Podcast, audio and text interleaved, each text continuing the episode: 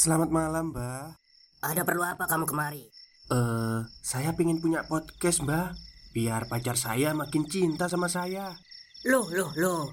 Mau bikin podcast kok tanya dukun? Sekarang kamu download aplikasi Anchor.fm. Di situ kamu bisa buat podcast gratis dan podcast kamu bisa didistribusikan ke platform mana pun. Dan di aplikasi atau website Anchor.fm juga terdapat fitur-fitur yang memudahkan kamu untuk membuat podcast. Oh, gitu ya, Mbak. Kalau gitu, saya boleh minta password wifi-nya, Mbak. Buat apa? Buat download Anchor.fm, Mbak.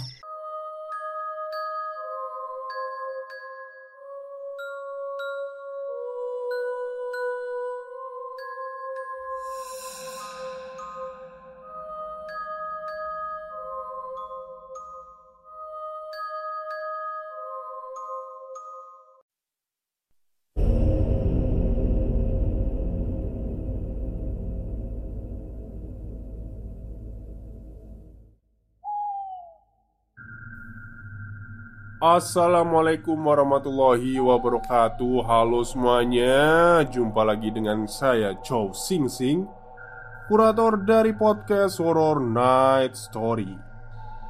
Halo apa kabar semuanya? Semoga kalian semua sehat-sehat ya. Dan seperti biasanya pada siang hari ini Saya kembali dan akan membawakan sebuah kisah mistis untuk kalian semua Kisah mistis kali ini saya bawakan dari treat horornya Mas Wahid yang uh, mendapatkan cerita dari narasumbernya saat dia membeli sebuah rumah. Oke, daripada kita berlama-lama, mari kita simak ceritanya. Rumah adalah tempat yang istimewa banyak di antara kita menjadikan rumah sebagai tempat yang tak hanya istimewa, namun juga penuh kenyamanan. Namun, bagaimana jadinya jika rumah kita menjadi tempat mereka untuk menetap? Apakah kenyamanan itu masih ada? Memang, benda itu yang membawa mereka ke rumah ini. Namun, kenapa? Setelah benda itu pergi, mereka tetap tinggal di sini. Sebenarnya apa sih yang membuat mereka tetap tinggal di sini? Tanyaku pada diri sendiri kala itu. Sebelum masuk ke cerita, izinkan aku memperkenalkan diri terlebih dahulu. Perkenalkan nama Kurian. Ya, kalian bisa memanggilku dengan nama itu. Di sini saya akan membagikan cerita singkat mengenai kisah yang ada di rumahku saat ini. Mungkin kisah ini akan terdengar tidak asing di telinga kalian. Karena apa? Yap, karena salah satu kejadian yang akan aku ceritakan mungkin pernah kalian tonton di film horor kenamaan. Jadi, begini kisahnya. Rumah yang aku tempati sekarang dulunya adalah rumah bantuan dari pemerintah yang kudapatkan dari seseorang yang telah dijual. Jadi, dikarenakan si pemilik rumah ini sudah memiliki rumah baru maka dari itu rumah ini dijual dan dibeli oleh keluargaku. Rumah ini Bukanlah rumah yang bertipe besar dan megah. Ya, seperti rumah-rumah penduduk pada umumnya. Namun Berdasarkan cerita yang beredar sebelum aku menempati rumah itu Ternyata terdapat kisah horor yang ada pada rumah yang akan ditempati olehku ini. Jadi, waktu aku sebelum pindah ke rumah ini, aku survei lokasi bersama bapakku dan ternyata rumahnya oke juga. Sekedar informasi, bapakku bukanlah orang yang bisa merasakan hal-hal goib.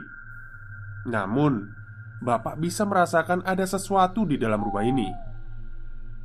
Sekedar informasi saja, bapakku ini adalah orang yang kurang begitu percaya dengan hal-hal yang seperti itu. Halah, nanti didoakan aja. Mereka juga nanti pergi sendiri. Ucap bapakku kala itu. Singkat cerita, akhirnya aku pindah ke rumah ini. Saat prosesi pindahan rumah, ya seperti biasa, karena aku berasal dari Jawa dan masih menggunakan adat Jawa, maka diadakanlah upacara-upacara ritual kecil, seperti kegiatan upacara selamatan. Kala itu terdapat berbagai macam hal yang diadakan, seperti halnya jajanan pasar, seblak sapu, dan sebagainya. Ya, bagi kalian orang Jawa pasti tidak asing dengan prosesi barusan. Kembali membahas soal rumah ya. Akhirnya pindahlah kami ke rumah itu. Pada malam pertama aku menempati rumah itu Tidak terjadi hal-hal yang aneh menurutku. Dan pada saat itu pun perabotan dari rumah lama belum dipindahkan ke rumah ini. Jadi Si penjual rumah ini bertanya pada bapak Pak, ini saya diberi waktu beberapa hari untuk pindahan. Duh, gak apa-apa. Aku gak kesusu kok mas. Ya bener Riki. Wis tak bayar. Tapi kan aku ora akon sampean buru-buru pindah Ucap bapakku. Dan akhirnya bapakku bilang seperti ini. Oh ya sudah mas Gimana kalau saya kasih waktu satu bulan untuk kamu pindahan? Gimana? Wah, enggak pak Enggak sampai satu bulan kok Ucap si penjual itu Kalau dua minggu gimana mas? Ya mungkin 10 sampai 14 hari pak Ucap si penjual Menjawab pertanyaan yang dilontarkan bapakku Akhirnya Pindahanlah setelah barang-barang milik si penjual sudah dikeluarkan keluarga aku pun mulai menempati rumah itu. Saat itu posisi rumah itu dalam kondisi kosong. Tapi ya tidak sepenuhnya kosong juga. Ada beberapa barang yang sengaja ditinggalkan oleh si pemilik dahulunya. Seperti lemari kecil dan beberapa perabot dapur. Kesan pertama ketika aku memasuki rumah itu adalah singup. Jika digambarkan secara singkat, rumah itu kosong namun terasa penuh. Entah mengapa, aku juga heran. Padahal, bisa dibilang itu adalah rumah yang tergolong masih baru ditinggali. Namun, entah kenapa suasana di sini terasa aneh sekali. Pada saat itu, jujur, aku menjadi sangat tertarik untuk menguak ada apa di dalam rumah ini. Singkat cerita, hari pertama aku tidur di rumah ini, suasana masih biasa saja.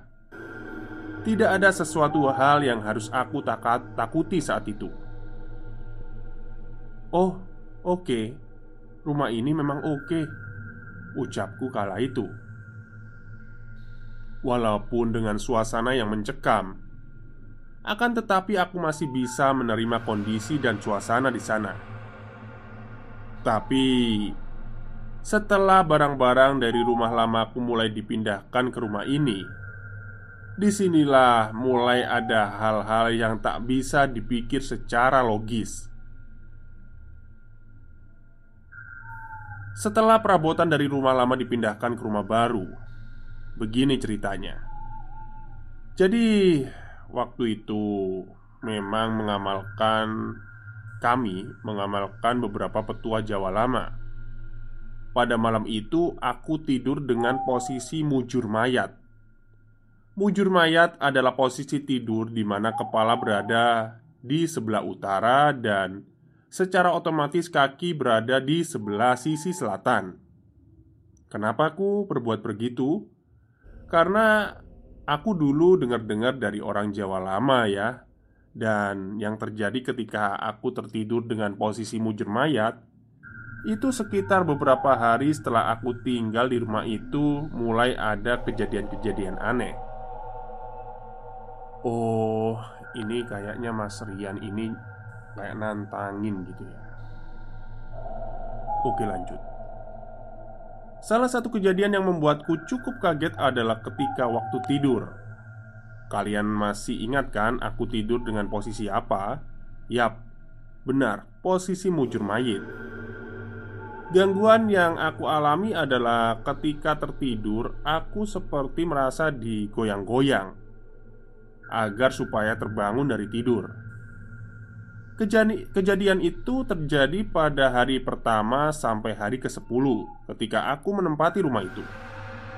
Ketika mengalami hal itu, aku terbangun dan menoleh ke belakang. Tapi anehnya, tidak ada siapa-siapa di sana. Ini masih malam pertama aku di rumah ini. Kejadian di malam kedua, seperti biasa, aku selalu berdoa ketika mau tidur. Asal kalian tahu, hobiku adalah berdoa. Jadi, setiap akan menjalani apa pun, aku pasti berdoa terlebih dahulu karena aku merasa orang berdoa dan aku perlu berkah Tuhan dengan cara berdoa. Namun, Kejadian saat malam pertama itu terjadi lagi. Malam kedua, saat posisiku sedang digoyang-goyangkan, aku membuka mata, namun tidak menoleh, dan dengan jelas aku merasakan bahwa tubuhku memang benar digoyang-goyangkan. Wah, gak beres ini, pikirku saat itu. Keesokan harinya, aku memutuskan untuk datang ke rumah teman.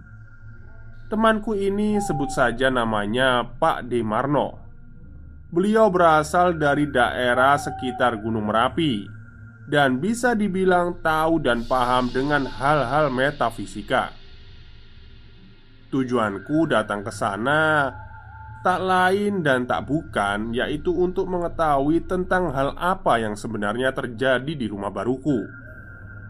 Saat itu, aku menceritakanlah apa yang aku alami selama berada di rumah itu, dan Pak Demarno pun menjawab, "Ada sesuatu yang masih menetap di rumahmu." "Hah?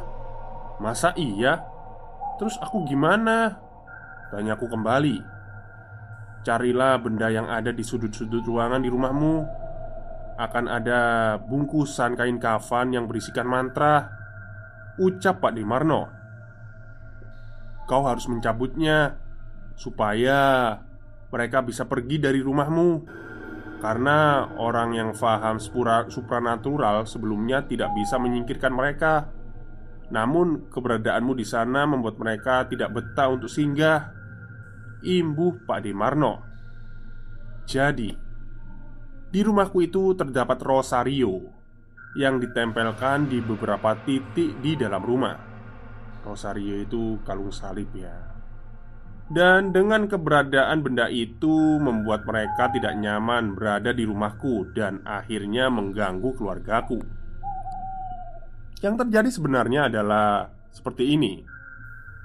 Jadi keluarga sebelumnya adalah keluarga muslim yang taat Sebelumnya namun mungkin karena adanya pengaruh oleh sosok penghuni rumah ini Banyak tetangga yang bilang bahwa satu tahun belakangan ini mereka tidak menjalankan ibadah seperti biasanya Seperti suaminya yang sudah jarang pergi ke masjid Jumatan pun pindah-pindah ke masjid Sesuai dengan moodnya Dan anaknya pun juga sama jarang sholat Intinya Perilaku mereka pun juga mulai ada perubahan semenjak kejadian itu. Kejadian apa itu? Kok sampai berpengaruh begitu besar pada keluarga itu? Ya, nanti aku ceritakan. Kembali ke cerita tentang bungkusan kain kafan yang berisikan mantra tadi. Waktu itu lebih tepatnya ketika aku pulang kuliah Waktu itu aku masih kuliah semester 2 atau 3 mungkin Waktu itu aku ketika sudah sampai di rumah Aku langsung melakukan sweeping rumah Guna mencari benda yang dimaksud oleh Pak Demarno Aku mencari di setiap sudut ruangan Yang ada di dalam rumah mulai dari kamar dan ruangan lain. Ternyata memang benar, aku menemukan sebuah benda persis seperti yang diomongkan oleh Pak Dimarno kemarin.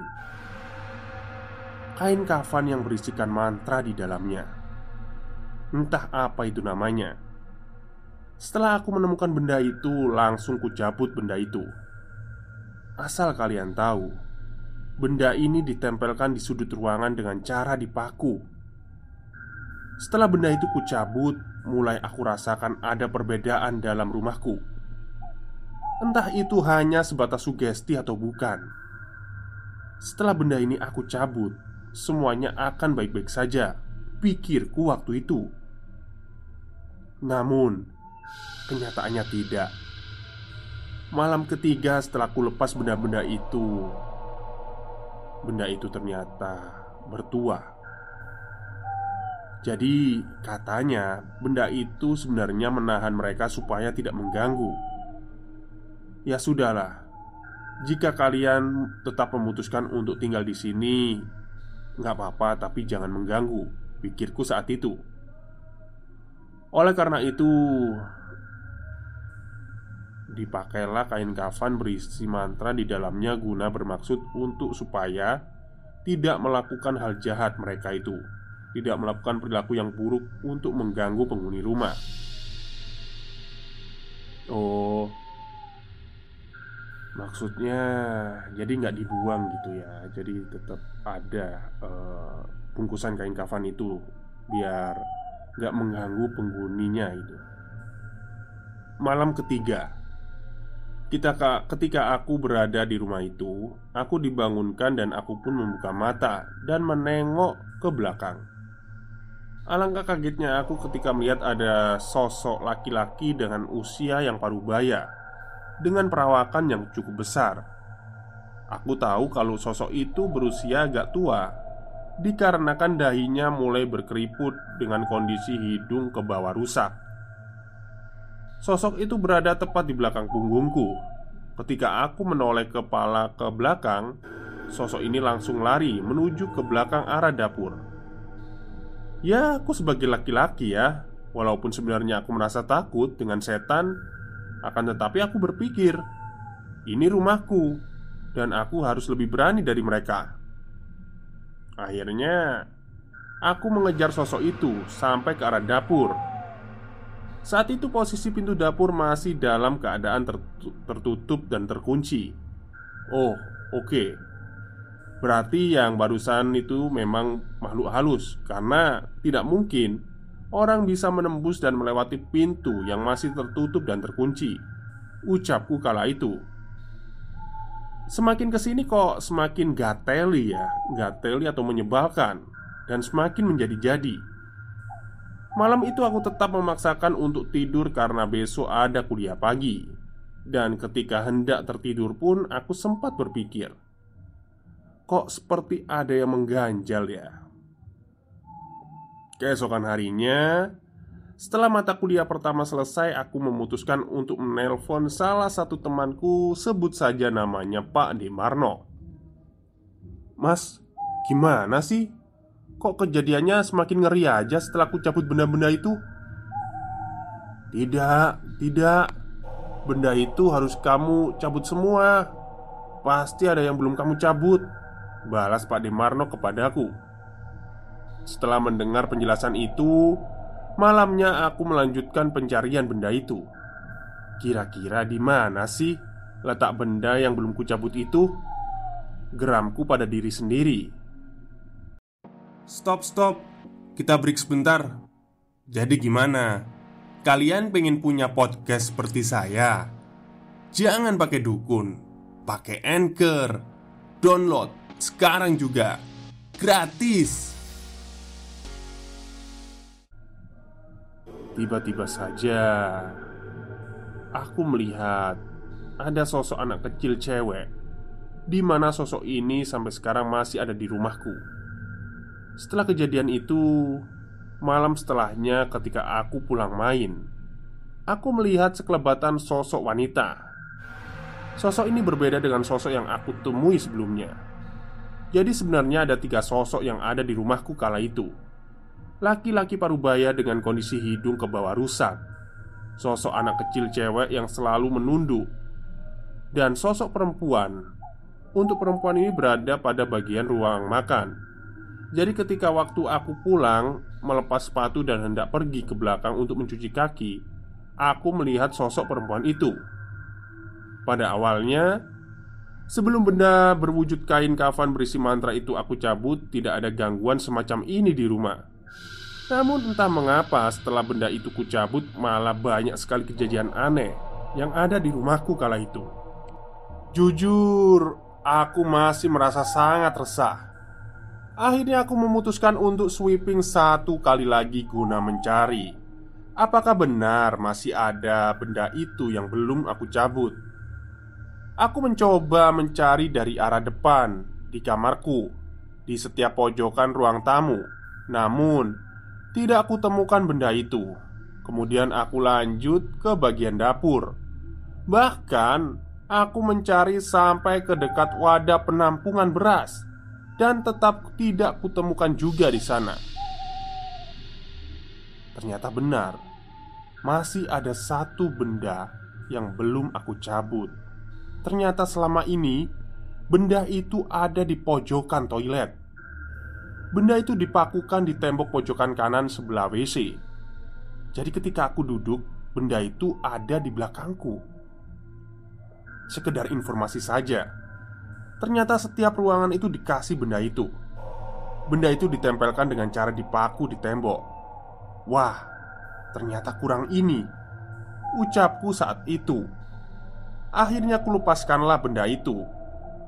Setelah itu, aku memutuskan untuk istirahat karena waktu itu jam sudah menunjukkan pukul setengah tiga pagi Sewaktu aku tidur Lebih tepatnya waktu dalam kondisi tidur-tidur ayam Aku dibangunkan lagi Waktu itu Aku melihat sosok yang sama Dengan kondisi bagian hidung ke bawah dan keadaan rusak Sosok itu mengucapkan sebuah kalimat kepadaku Matur nuwun. Setelah sosok itu mengucapkan terima kasih, sosok itu langsung pergi ke arah dapur, persis seperti kejadian sebelumnya. Ketika aku kerja pun, sosok itu sudah tidak ada. Itu tadi adalah kejadian di rumah yang aku alami secara langsung.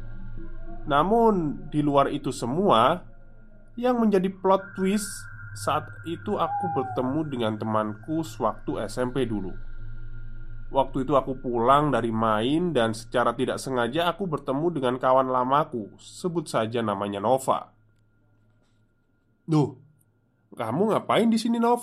Sapaku Loh, ngapain kamu sampai sini? Tanya Nova balik Rumahku di sini gang satu Imbuhnya Hei, rumahku juga di sini gang empat terangku. Saat itu kami seolah sedang reuni dan di situ pula muncul cerita yang membuatku benar-benar shock setengah mati. Jadi, malam itu sewaktu aku bertemu dengan Nova, dia langsung melontarkan kalimat tanya kepadaku.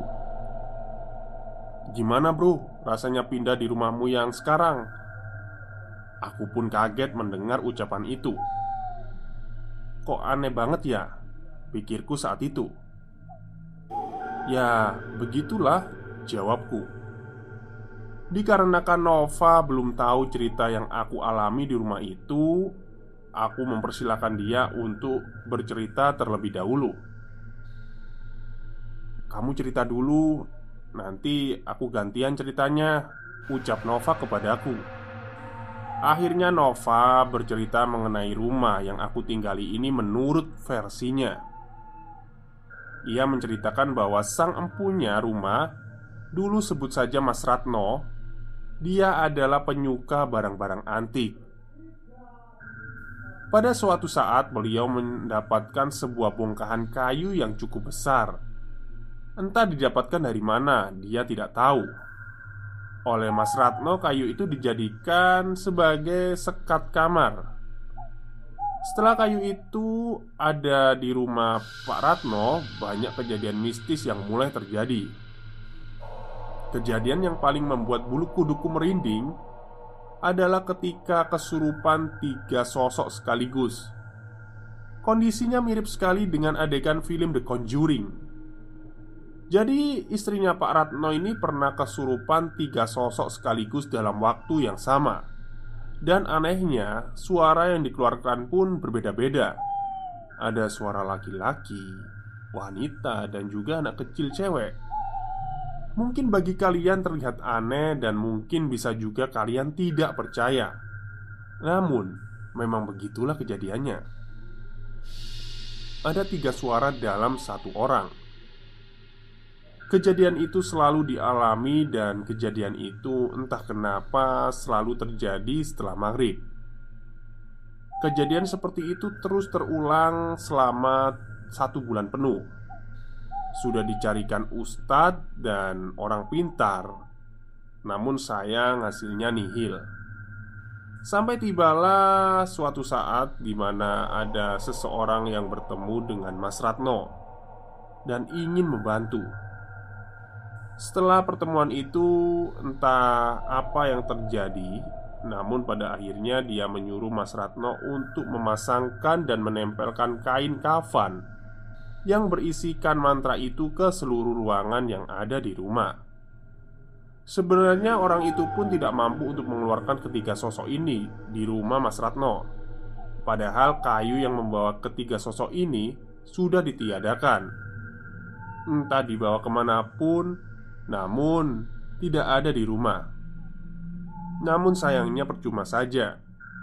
Ketika kayu itu sudah dikeluarkan dari rumah, namun tidak ada dengan apa yang dia bawa. Maksudnya itu sosok yang menempati kayu itu tetap menetap gitu di rumah itu gitu loh ya. Agak bingung ya. Aku nyaman di sini. Katanya seperti itu. Nah, istri Mas Ratno terkadang mengeluarkan suara laki-laki dan juga cewek Bahkan sampai tetangga rumah pada tahu tentang kejadian yang dialami oleh keluarganya Mas Ratno. Pada awalnya mereka juga shock setelah mendengar kejadian itu. Namun, karena kejadian itu sering, jadi mereka sudah merasa biasa saja. Pada suatu ketika di mana setelah istri dari Pak Ratno ini sembuh dan sudah tidak lagi kesurupan setelah habis maghrib, akhirnya mereka menjual rumah itu mereka memutuskan untuk pindah ke rumah yang dibeli dari harta warisan orang tuanya. Dan uang hasil penjualan rumah ini digunakan untuk biaya renovasi rumah baru. Itu tadi adalah cerita versi Nova yang diceritakan padaku malam itu. Dan ketika dia selesai bercerita tentang rumahku, aku pun cuma bilang, "Oh, ya wis berarti bener." Duh, emangnya kenapa? Tanya Nova kepadaku Ya sebelum kamu cerita tentang tiga sosok itu Asal kamu tahu ya Ketiga sosok itu sudah ketemu sama aku Tegasku Untuk saat ini sosok lelaki itu sudah pergi entah ke mana Begitupun dengan sosok perempuan itu. Namun tidak dengan sosok adik kecil cewek itu. Soalnya adik kecil itu memilih untuk tetap tinggal di rumahku. Dan dia juga sudah janji nggak mengganggu. Jadi, waktu itu ada salah satu temanku yang menemukan cara untuk bisa berkomunikasi dengan sosok adik kecil itu. Akhirnya terjadilah proses mediasi yang di mana saat itu aku bilang Kamu mau menampakkan wujudmu padaku dan kepada bapakku tidak apa. Namun Jangan menampakkan wujud di depan ibuku Karena dia itu orangnya penakut. Jikalau kau ingin menakutiku, aku persilahkan. Dan apabila sampai janji ini kau langgar Maka dengan terpaksa Kamu bakalan aku siksa. Ucapku sewaktu proses komunikasi itu. Wow. Dan Sosok adik kecil itu berjanji untuk tidak melanggar itu Bahkan Untuk sosok anak kecil ini adalah penjaga rumah yang baik menurutku Apabila orang rumah lupa mematikan kompor, dia biasa menjatuhkan barang-barang di dapur. Sosok ini mengganggu anjingku di saat pintu gerbang lupa digembok. Untuk menutup kisahku ini, izinkan aku menutupnya dengan sepenggal kalimat. Kita hidup berdampingan dengan mereka, tapi tidak dengan caranya. Kita mempunyai cara yang namanya kulonwun atau permisi. Kita punya cara bagaimana untuk bertegur sapa, tapi tidak dengan mereka. Mungkin mereka menampakkan diri itu karena mereka ingin menyampaikan bahwa aku ada di sini dan aku butuh bantuanmu, atau butuh yang lain.